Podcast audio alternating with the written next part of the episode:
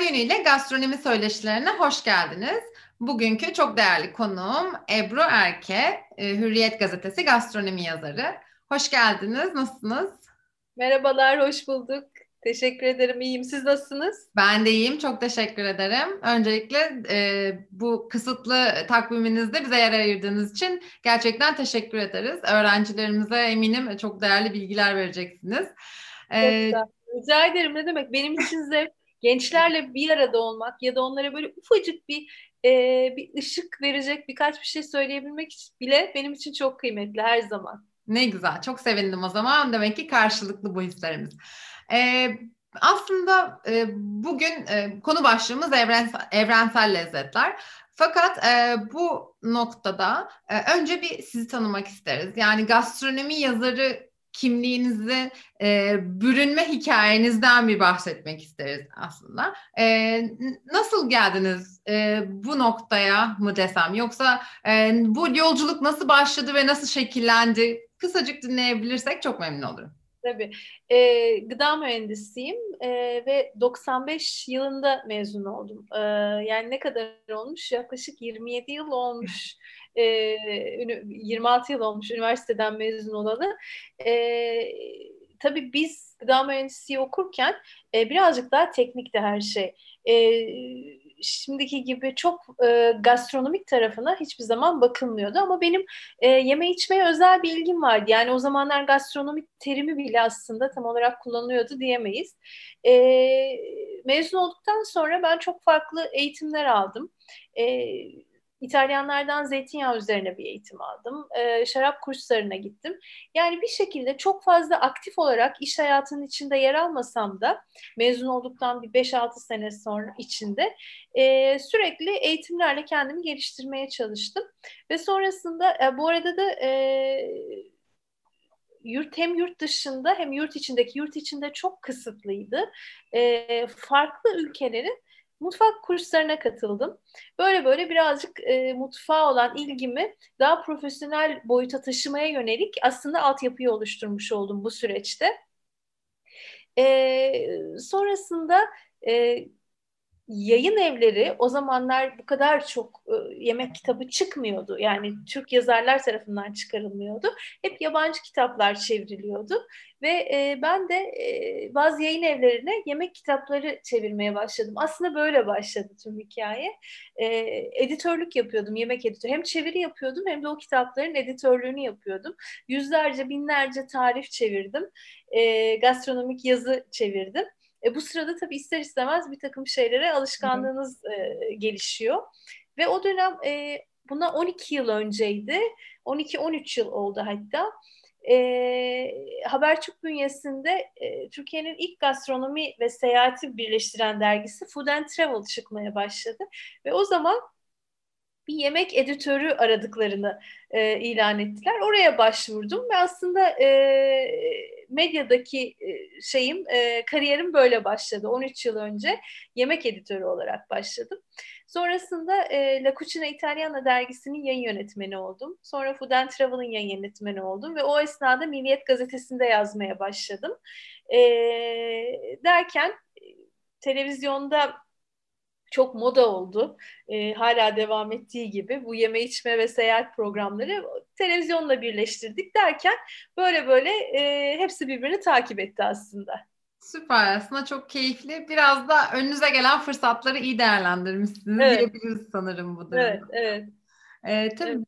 E, bu anlamda e, bu çok önemli bir örnek benim için ve çünkü öğrencilerimiz de bazen kariyer planlaması yaparken aslında ne yöne evrilebilecekleri konusunda veya hangi yöne kayabilecekleri konusunda bazen sıkıntılar çekebiliyorlar. Hep şey diyorum tutkunuzun peşinden koşun ve o yöne ilerleyin. Çünkü gastronomi özellikle eğer bu yani yeme içme kültü e, daha doğrusu yeme içme alanında gastronomi okuyor olmak onlar için daha da büyük bir avantaj çünkü çok disiplinli bir alandan çıkıyorlar ve her alana kayma e, imkanları daha e, okul çerçevesinde başlamış oluyor. Kesinlikle ama burada çok önemli bir şey ben söylemek istiyorum öğrencilere. İlgi alanları neyse o konuda sadece ilgilenmekle kalmasınlar o konuda mezun olduktan sonra ya da hali hazırda okurken o konu üzerine gitsinler. Eğitim alsınlar. Çok aceleciler çünkü böyle hepsini bir anda yapmak ya da bitirince işte hepsini biliyorum gibi hissetmek. Biz hepimiz öyle hissettik belki o yaşlarda ama e, eğitim gerçekten şu anda çok önemli ve e, içinde bulunduğumuz günlerde çok da zor değil çünkü hemen hemen her okulun yurt dışındaki evet. bir okuldan şu anda online eğitim alma ders e, online eğitim alma imkanları da var. Bunu değerlendirebilirler. Yani neyle ilgileniyorlarsa o konuda kendilerini profesyonel olarak geliştirme yoluna soksunlar. Zaten gerisi geliyor. Aynen. Gerisi, yani bir anda sonuca ulaşmak gibi bir şey e, yok. Böyle, yani bu gerçekleşmiyor hiçbir şekilde. O sonuca ulaşmak için nereden geçmek gerekiyor? O önemli. Bunu yapmaları lazım. As- aslında bu bir yolculuk diyebiliriz. Evet. Yani o yolculuğa evet. çıkıp o yolculuğun onlara getirdiklerini alarak, kendilerine bir şeyler katarak ilerleyip bir noktaya varabiliyorlar. Böyle hiçbir yere ışınlanmıyoruz aslında bakarsanız. Evet. Biraz evet. bunun gibi oluyor. Süper. Ee, Bugün e, asıl konuşmak istediğim önemli konulardan biri birçok e, yemek konusunda e, birçok yiyeceğin aslında yolculuğu hakkında yazılar yazdınız, e, yemek programları yaptınız. E, ben de bunun aslında e, bundan biraz etkilen şöyle etkileniyorum. E, her yiyeceğin yolculuğu bir çok özgün aslında ve e, çok farklı noktalarda e, çok farklı sizi bir yerlere sürükleyebiliyor. Ama bu, bu sizin de bir sürü yazınızda ve dediğim gibi programınızda rastladım. Ee, bu yolculuklarda gördüğünüz ortak özellikler sizce nelerdir? Yani e, bir yemeğin bir ya da bir gıda ürününün e, bir noktadan bir noktaya ve bir noktadan bir kültüre mal olmasındaki e, ortak özellikler nelerdir? Soruyu toparlayabildim mi bilmiyorum. Tabii ben çok iyi anladım. Evet. Ee, aslında net olarak şunu söyleyebilirim ki hem bildiğimiz lezzetlerle ilgili yurt içinde hem de yurt dışında karşılaştığımız şeylerle ilgili e, o ürünün ya da o yemeğin hikayesinin olması çok önemli. E, hikaye nasıl? Gelişi güzel kulaktan kulağa anlatılan bir hikaye değil elbette. Bunlar da oluyor, olmuyor değil ama e, o kültürün içindeki yeri, e, o kültürde doldurduğu yer aslında e, ve geçmişe dayalı kökleri olan hikayeler. Böyle olduğu zaman zaten ve bu kadar derin bir kültüre sahip olup da günümüze kadar geldiyse zaten bu aslında evrensel bir yemek olmuş oluyor. Bizim bunu ilan etmemize de gerek kalmıyor. Ee, beni ve sadece beni değil aslında tüm e, yemek kaşiflerini en çok heyecanlandıran şeyler bunlar biliyor musunuz? Artık insanlar zaten e, sadece bir yemeğin peşinden dünyanın öbür ucuna gidiyorlar. Ya da e, ünlü bir şefin hazırladığı ve hikayesi olan bir tabağı keşfetmek üzere o restorana gidiyorlar. Çünkü orada hem o malzemenin yolculuğunu dinliyorsunuz hem de şefin bakış açısıyla yarattığı hikayeye tanıklık ediyorsunuz. O keyfi paylaşıyorsunuz, o heyecanı. Dolayısıyla bence e, günümüzde e, yemekleri ve malzemeleri değerlen, e, değerli kılan ve insanları heyecan, heyecanlandıran şeyler bunlar. Ki bizde de o kadar çok var ki aslında. Değil mi?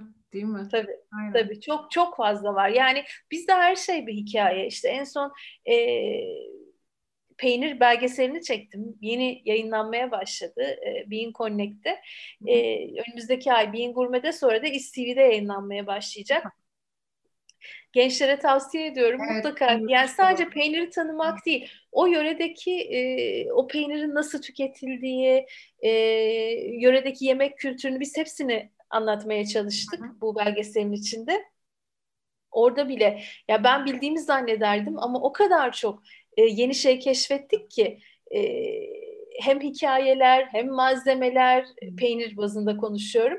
Dolayısıyla e, hala hepimizin keşfedecek çok fazla şeyi var.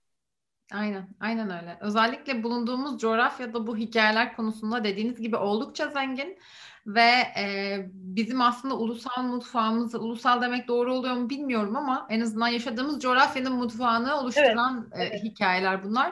E, evet. Bunların da herhalde kıymetini bilmemiz gerekiyor bu anlamda. Evet, evet. Yani bunu tabii ki şeyler gençler çok duyuyordur. Herkes bunu söylüyordur, tüm öğretmenler ama e, hani tabii ki e, yurt dışında tecrübe edinmek çok önemli, yurt dışı mutfaklarını tanımak çok önemli ama hep söylüyoruz ya kendi hikayemizi bilmemiz evet. çok çok önemli. Kendi yemeklerimizi tanımamız çok çok önemli.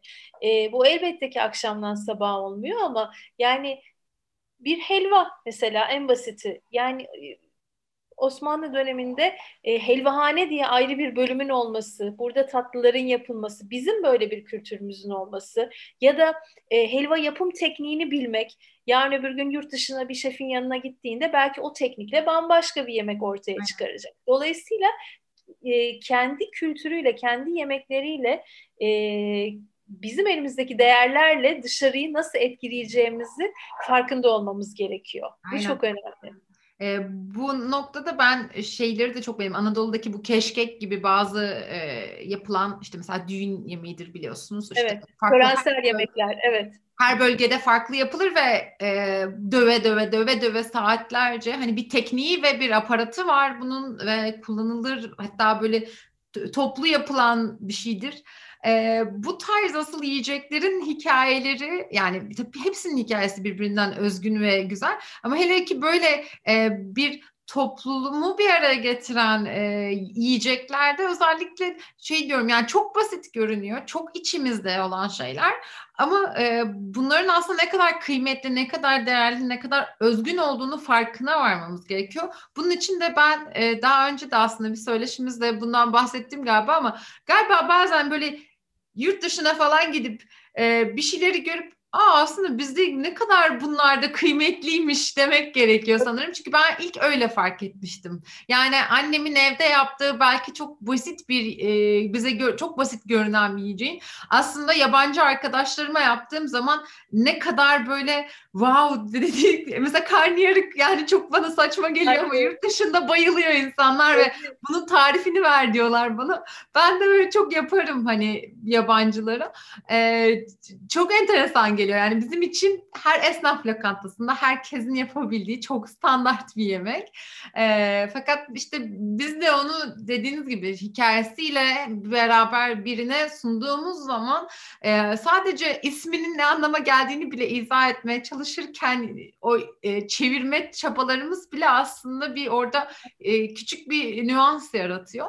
E, bunları bilip kıymetini bilip bunları geliştirmek, bunların üstüne koymak tabii ki e, çok daha iyi bildiğimiz şeyler olduğu için çok daha onları değerli kılacaktır diye evet. düşünüyorum. Evet, evet. Ama bu genelde var. Yani e, her dakika elimizin altında olan şeyleri e, çok farklılaştırmıyoruz. Evet. Oysa ki e, dünyanın geri kalanı buna sahip değil. Bunun farkında olmuyoruz çoğu evet. zaman. İşte e, dünyayı gördüğümüzde, etrafı tanıdığımızda e, biraz o gustomuz geliştiğinde elimizdeki şeylerin farklılığını ve kıymetini daha iyi ayırt edebiliyoruz. Evet, evet, evet kesinlikle katılıyorum.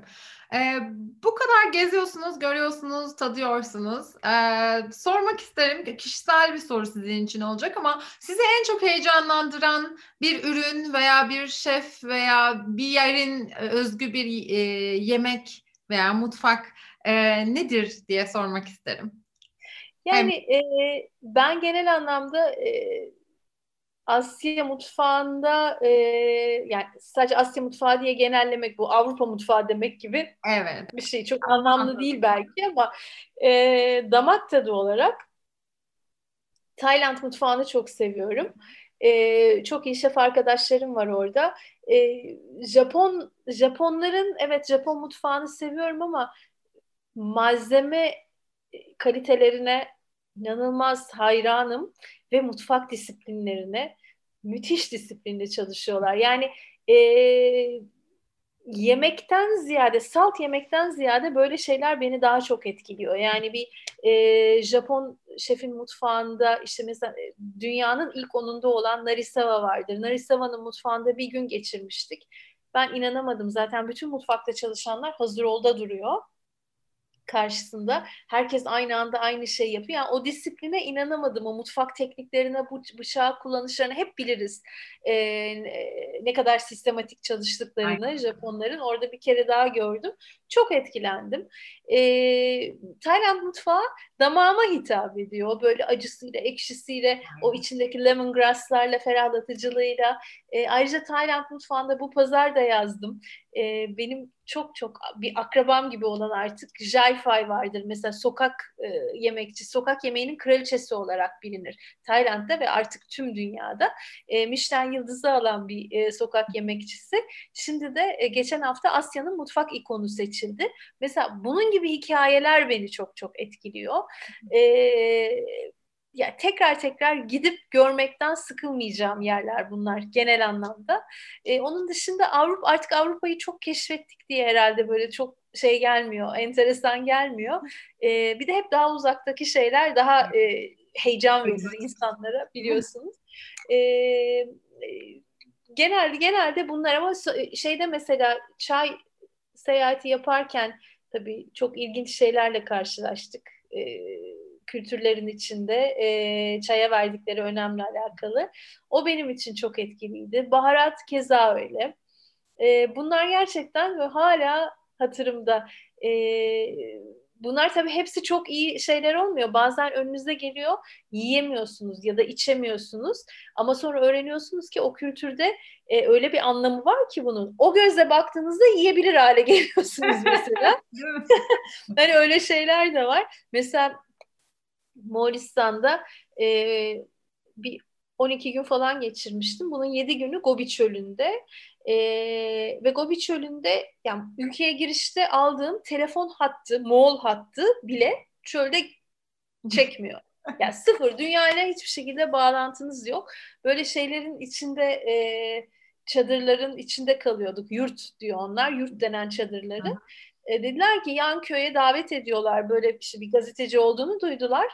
Yan köyün ağası davet ediyor. Çay içmeye davet ediyor. Çok heyecanlandım. Hep beraber gittik. Cümbür cemaat o şeydekilerle kaldığım köydekilerle birlikte. Keçe çadırın içine girdik. Böyle ağır bir koku zaten. Çünkü içeride süt kaynatılmış. Kısrak sütü. O sütün kokusu da bütün keçenin içine girmiş. Dediler ki çay ikram ediyoruz size. İzliyorum çay hazırlayış şekillerini. Sütü kaynatmış, karıştırdı, karıştırdı. İçine bir tutam kuru et koydu. Bir tutam çay koydu. Tekrar bir fokurdattı. Sonra bir kaseye aldı. Hmm. Kasenin içine bir kaşık da tereyağı koydu, ikram etti. Hadi bakalım. İçebiliyorsan. İçebilene. İçmezseniz çok müthiş ayıp yani. Çok ayıp bir kere hani e, reddetmek, geri çevirmek. Ee, işte bir yudum aldım, işte ikinci yudum zorla falan. Neyse sonra anlattılar orada gerçekten şey yapması için Çin'le e, sınır komşusu ama çay üretimi yok. Çok az çay var. Ee, enerji versin diye işte kuru et koyuyorlar, Hı. tereyağı koyuyorlar. İşte şu şu dönemlerde içiyorlar falan deyince hani birazcık daha içmek için kendinizi zorluyorsunuz. Hı. En azından hikayesini dinliyorsunuz Aynen. falan. Tek içemediğim çay odur. Dedim ki siz bunu bana süt çorbası diye verseydiniz içerdim ama çay deyince bir garip geliyor kulağa. Ee, böyle mesela bunlar aklımda kalıyor en çok. Yani illa ki her şeyin en iyi olmasına gerek yok. O yaşadığınız şeyler gerçekten unutulmuyor. Evet, aslında e, insanın deneyiminin yani bir deneyim yaşatan e, yiyecekler unutulmuyor evet. zannedersem evet. o zaman akılda kalıcı oluyor. E, hem damakta hem o yaşadığınız atmosfer e, o zaman daha değerli oluyor. E, evet. Öğrencilerin de bu anlamda aslında ne kadar çok gezerlerse yurt içi yurt dışı hiç fark etmez. Kendi yaşam alanlarının dışına çıkıp bir şeyleri deneyimlemeye başladıkça aslında dedikleriniz dediğiniz gibi ufak ufak gustoları gelişmeye başladıkça, anılar edinmeye başladıkça e, damak tatları değişecek, e, farklı evet. lezzetleri, arayışları değişecek ve kendileri evet. de aslında neler çıkarabiliriz veya bunlarla nasıl bir şey üretebiliriz. İlla mutfakta değil, bir yazınsal olabilir, görsel olabilir. Bu noktaya evrilmeler, evrilirler evet. diye düşünüyorum aslında. Evet evet. Yani hiç kimse annesinin karnından gurme olarak doğmuyor. Ee, bir damak tadı elbette ki zaman içinde gelişiyor ama bunu kendileri de geliştirebilirler. Hep onu söylüyorum. Ee, damak zaten kendini geliştiren bir şey. Ee, bu işte e, yemek yazarı için de geçerli bir şef için de geçerli. Ne kadar çok lezzet tadarsa işte o kadar çok aslında algısı da genişliyor, damağı da gelişiyor. E, ama bu noktada e, damağın referans aldığı şeyler çok önemli noktalar. Damak neyi referans alır? Damağınızın eğer iyi ve kötüyü ayırt etmek, ayırt edebilmeyi öğrenmek istiyorsanız e, bir kere damağınıza referans olarak o ürünün ya da o yemeğin en iyisini bir tattırmanız lazım, bir denetmeniz lazım. En iyiyi bildikten sonra e, ya da en iyilerini farklı versiyonlarıyla tattıktan sonra bir kere asla değil birkaç kez o zaman işte ondan sonra yediklerini ayırt etmeye başlıyor. Aynen öyle. Aynen Onun öyle. için e, damağa kilometre yaptırmak lazım. Kesinlikle öyle. Süpersiniz. Çok güzel izah ettiniz bunu gerçekten. E, çünkü bunu ben çok anlatmaya çalışıyorum. Hani e, tatmak lazım. Yani sevin evet. sevmeyin ama e, iyi bir ürün bulduğunuz zaman e, tatmak lazım. Bir kere e, çok kısa tabii burada araya anekdot gibi gireceğim ama öğrencilerime yurt dışından bir peynir getirmiştim. Hatta söyleyeyim Gruyère peyniri getirmiştim. Hı. Oradan böyle taşıdım özenle fabrikasından vesaire 6 yıl aylık işte bilmem 8 aylık vesaire tattıracağım. Öğrenciler böyle yapıyor. Hocam ama bu çok kötü kokuyor dedim. Tat, tatmanız lazım. Yani siz e, bu alanda kendinizi geliştirmeye e, geliştirmek için bu bölüme girmiş öğrencilersiniz, profesyonel adaylarsınız. E, siz yenilikleri tatmaya e, veya en azından denemeye açık olmazsanız nasıl ilerleyeceksiniz demiştim. Evet. Tabii ki tadan öğrenciler oldu. Hepsi böyle değildi ama e, böyle bazı öğrencilerim olmuştu. Bu birkaç sene önce oluyor. O zaman bayağı bir cebelleşmiştim böyle. Peki siz dedim tatmayabilirsiniz yani, biz yeriz hepsini. Gravyer peynirinin de öyle çok aşırı ağır bir kokusu yoktur yani. Diğer Fransız peynirlerine göre e, ya da İsviçre yani, peynirlerine göre aynen, çok daha ağır kokular vardır. Evet. E, birazcık da bir şeyi o ön yargıyı e, şey yapmak bir kenarı bırakmak gerekiyor. Aa, aynen öyle. Aynen öyle. Peki e, bizim kendi mutfağımızda e, ki ürünlerimizde aslında e, evrenseli taşımak, bir markalaştırmak, bir katma değer haline getirmek için sizce e, hangi noktalardan geçmemiz gerekiyor veya sizce hangi noktadayız? Ee, şöyle, e, bu konuyu son zamanlarda çok fazla tartışıyoruz. Hem Turizm Bakanlığı'nda, Kültür ve Turizm Bakanlığı'nda hem gastronomi çevrelerinde. Bir kere e, hep şunu söylüyorum, mutfağımızla ilgili bir söylem oluşturmamız şart. Bizim mutfağımız nedir? Nasıl tanıtacağız? Hangi yollarla tanıtmalıyız? Nerede farklılaşıyoruz? E, bunun belirlenmesi gerekiyor. Çok yakın zamanda Turizm Bakanı yardımcılarından bir tanesiyle de bir röportajım oldu.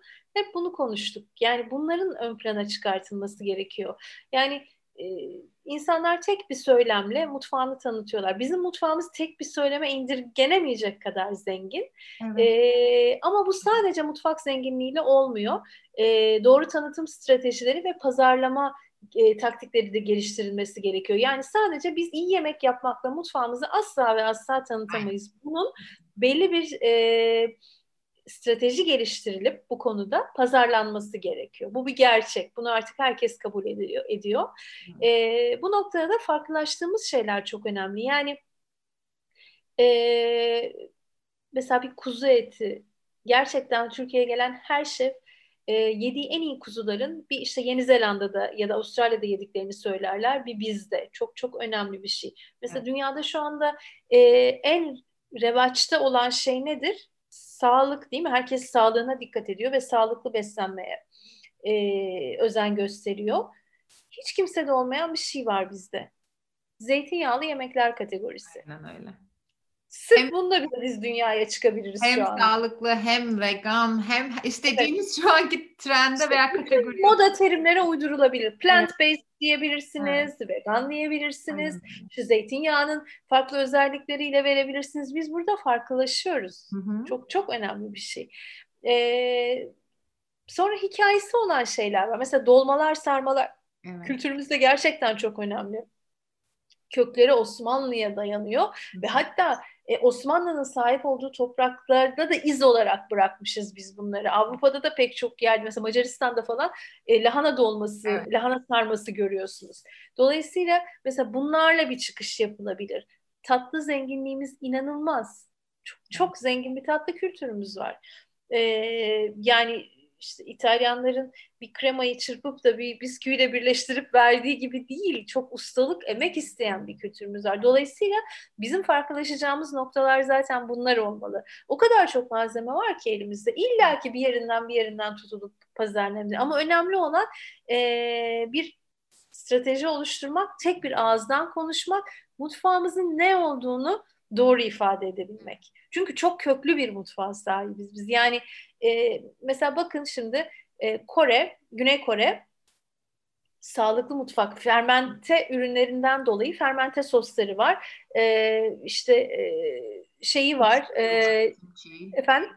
Turşuları kimçi, var. Evet, kimçi. evet, evet, kimçileri var. Kimçinin bin bir türlü çeşidi evet. var. Sırf bunun üstüne oynadı. Sağlıklı mutfak dedi. Bir de tapınak yemekleri var. İşte vegan e, temelli olan. E, oysa gidin, evet tabii ki bir kısmı sağlıklı mutfak ama gidin benim yediğim en şekerli mutfak Güney Kore mutfağı. Yani e, nerede bunun şeyi? Değil nerede bunun sağlığı? Yani biraz pazarlamaya bakıyor. O kadar çok anlatılacak şey var ki ama dünyayı etkileyecek bir takım söylemler çıkartmamız şart. Kesinlikle. Ben o konuda Anadolu'yu çok başarılı buluyorum örneğin. Çok dengeli menülerimiz var. Yani mesela Tabii bitki bazlı proteinleri, tahıllarla bakliyatları çok güzel birleştirmişiz. Yani bir mercimekli pilav muhteşem bir yemek aslında baktığınızda. Evet, evet. Hani biz Her çok onu e, babaanne anneanne yemeği olarak görsek evet. ve çok e, üstüne hani e, önemsemesek de e, hem beslenme açısından hem besleyicilik açısından hem dediğiniz gibi sağlık açısından baktığınız zaman e, birçok şeyi bir anda bir seferde karşılayan yiyeceklerden biri. Yani yine basit evet. kuru fasulye pilava baktığınız bile zaman bile aslında bunlar geçerli. Dolayısıyla e, Anadolu gerçekten bu konuda muhteşem. Hep de söylerim yani. Biz kendi yemeklerimize dönüp baktığımız zaman aslında o kadar zaten dengeli e, mesela yanına bir yoğurt ekliyorsunuz. Bir anda içerisinde fermente bir ürün oluyor. E, sindirim sistemini destekliyor vesaire. Evet, Çok yani, aslında. Çok basit mesela e, güzel bir şey söylediniz. E, yoğurt diyoruz. Yoğurt biz Hani bizim için o kadar sıradan bir şey ki oysa şu anda dünyada ilan edilmiş süper foodların içinde, Aynen. süper besinlerin içinde ilk sıralarda yer alıyor. Aynen. Yani insanlar ilaç gibi işte yoğurdu Hı. bulup yiyorlar ama burada da maalesef mesela e, Greek yoğurt diye biliyoruz. Amerika'ya gidin Greek yoğurt. Yani sırf yoğurt üstünden, sırf bulgur üstünden bile bir pazarlama yapmak mümkün. Kesinlikle öyle. Yani yoğurdu benim de e, en e, üzülerek karşılaştığım seneler önce şeylerden biri Türk markası bir e, yoğurt yoğurdun Amerika'da Greek yogurt diye Greek pazarlanıyor evet. olmasıydı. Çünkü evet. öyle pazar bulacaktı ve o şekilde evet. yapmış olmaları evet. bizim için gerçekten büyük bir kayıp. Firmayı da bir noktada suçlayamıyorum. Ee, Türkiye'den oraya gidip hani e, bir pazar arayışı içinde ol, olmakta ama yani suçlayamıyorum derken tabii ki bir noktada suçluyorum ama sadece tek evet. suçlumuz o değil. Biz de yani evet. burada e, toplumsal olarak bu anlamda sorumluyuz diye düşünüyorum. Evet bunların kıymetini bilmemiz lazım. E, bunların e, tabii ki bu söylemi oluşturmak için sizin söylediğiniz söylemi bir bütünsel bir yaklaşım lazım. Evet bir bakanlık lazım, onların stratejileri lazım ama profesyonellere veya profesyonel adaylarına sizce bu noktada ne gibi bir görevler düşüyor? Hani bireysel olarak e, buna nasıl katkı sağlayabilirler diye sorayım. Yani şöyle bence e, katkı sağlamak bir belki bir sonraki aşamaları olur ama e, bence en önemli yapmaları gereken şey gündemi takip etmek. Hı hı. E, ve gündemi takip etmek de sadece Instagram'dan olmuyor. Evet. Bunu her seferinde söylüyorum. E, biraz okuyun diyorum. Yani evet çok zorlarına gidiyor ama yani indirsinler üç kuruş bir gazete yani en azından gazetelerdeki gastronomi yazılarını okusunlar. Çünkü gazeteye yalan yanlış bir şey yazmak gibi hiç kimsenin bir lüksü yok. Kesinlikle. E, orada ne okurlarsa o gerçek bilgi, doğru bilgi özellikle köşe yazarlarından e, çünkü yorumsal bilgiler de değil çoğu zaman bizim yazdığımız şeyler. Gündemle ilgili bilgi veriyoruz. Bir takım teknik şeylerle alakalı bilgi veriyoruz. Bence onların e, kendileri için yapacakları en önemli şey gündemi takip etmek ve böyle kendilerine idol isimler belirleyip onlar ne yapmışsa gerçekten izinden belki taklit ederek çünkü taklit etmeden kendinize bir stil oluşturmanız mümkün değil. Evet. evet. bu taklide ister örnek almak değil, ister taklit etmek yani bir e, ilk kulağa e, hoş gelmiyor ama e, örnek aldığın insanı taklit etmek kötü bir şey değil. İşte ondan sonra ondan bir şey öğrendikçe kendi stilini, tarzını oluşturup kendi geliştiriyorsun. E, bunu biz aslında hepimiz yapıyoruz. Çocukken anne babalarımızı rol model alıp onları taklit evet. ediyoruz önce. Sonrasında kendi yani hiçbirimiz anne babamız olmuyoruz büyüdüğümüzde, yetişkin evet. hale geldiğimizde ama onların izinde, onların kültürüyle, onların değerleriyle büyüyerek e, on, önce onları taklit ederek bir yetişkinliğe yaşıyoruz. Aslında profesyonel hayat da böyle yani o çıraklık aşamasında dediğiniz gibi e, rol model aldığımız kişilerle beslenerek evet. kendi tarzımızı. Yani o yüzden taklit etmek bu anlamda kötü bir şey değil aslında dediğiniz gibi. Evet. Ee, çok teşekkür ederim. Yani çok e, keyifli bir sohbet oldu. Öğrencilerimiz için de eminim öyle oldu. Ufak tefek e, sizin hem anılarınızdan bahsettik hem mutfağa bakış açınızdan bahsettik. E, ben çok teşekkür ediyorum katıldığınız için. Rica ederim. Ben teşekkür ederim. Ne zaman e, onların da sormak istedikleri bir şey olursa e, her daim mail atabilirler e, ya da Instagram'dan mesaj atabilirler. E, ben çünkü elimden geldiğince hepsini cevaplıyorum e, hepsinin yolu açık olsun diyorum. Ama istedikten sonra olur. E, bunu unutmasınlar. Hiçbir zaman umutsuzluğa falan kapılmasınlar. Sektör zor bir sektör. Bu arada kolay bir sektör değil. E, kendilerine örnek insanlar belirlesinler. Ne yapmak istediklerini bir anda bilemiyor bilemiyor olabilirler. Onun için deneyebildikleri kadar fazla şey denesinler. Evet. E, ne yapmak istedikleri konusunda emin olmayanlar. Çünkü gastronominin içinde çok fazla şey var. İşte e, yazarlık kısmı da var, e, mutfak kısmı var, servis kısmı var, e, bir ürünü pazarlama var, her şey var. Evet. Dolayısıyla e, mümkün olduğunca fazla şey denesinler diyorum ben hep. Çok teşekkür ediyorum. Rica ederim. Görüşmek en, üzere. En kısa zamanda pandemi geçince aramızda da görmek isteriz diyorum. İnşallah. İnşallah. Ben de çok isterim. İyi günler.